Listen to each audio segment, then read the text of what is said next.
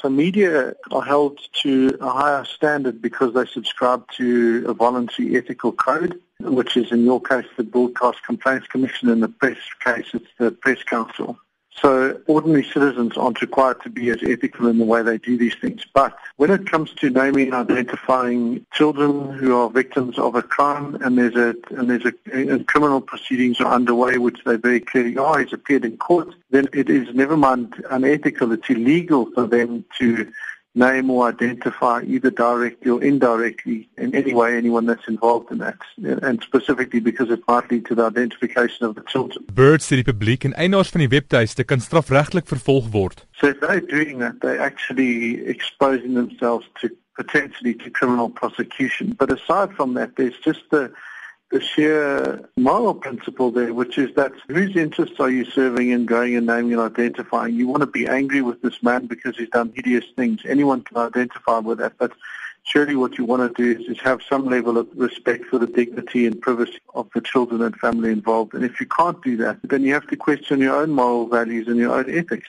Volgens Bird was daar reeds 'n president in 'n Britse hof geskep waar 'n man duisende mense aangevat het wat hom belaster het. And there is precedent for this in the in the UK. A man, uh, you know, he was defamed on Twitter, and he went and they went after all of the thousands of people that it was tweeted to. They went. They can each be sued individually every time someone retweets that. So, to be clear, and I mean this should be carried. Anyone that is that is responsible for either carrying that, copying that link and sending it on, or retweeting the image or sending that image, whether you know, locally certainly are, are guilty of an offence. And aside from that, they need to just look themselves, they need to say to themselves, how am I going to sleep with myself knowing that I've, that the child, that, that, that the anger that I feel about whatever this man done, I'm assuming that's why they're tweeting it to begin with, that I'm responsible for secondary trauma to the family involved. Bird sê die kinders se regte word benadeel omdat hulle pa se identiteit bekend is. So we've just been dealing with another case where this has happened. There are all sorts of very direct implications of this thing. You name a person in the media,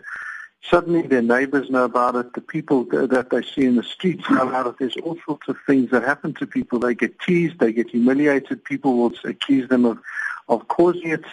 There's all, all kinds of things. And this is, bear in mind, this is a profoundly personal and private experience. It's deeply humiliating and that kind of thing. It's a known issue of secondary trauma by being exposed in that. So, so to those people, I would say they themselves need to direct the kind of anger that they're directing at that man to themselves for having exposed the, the, the children to secondary trauma by re-exposing all of that trauma again. I mean, I think it's unforgivable actually. Hy sê enige lid van die publiek kan 'n saak teen die webtuiste aanhangig maak. Dit was die direkteur van Media Monitoring Africa, William Bird. Ek is Jock Steenkamp in Johannesburg.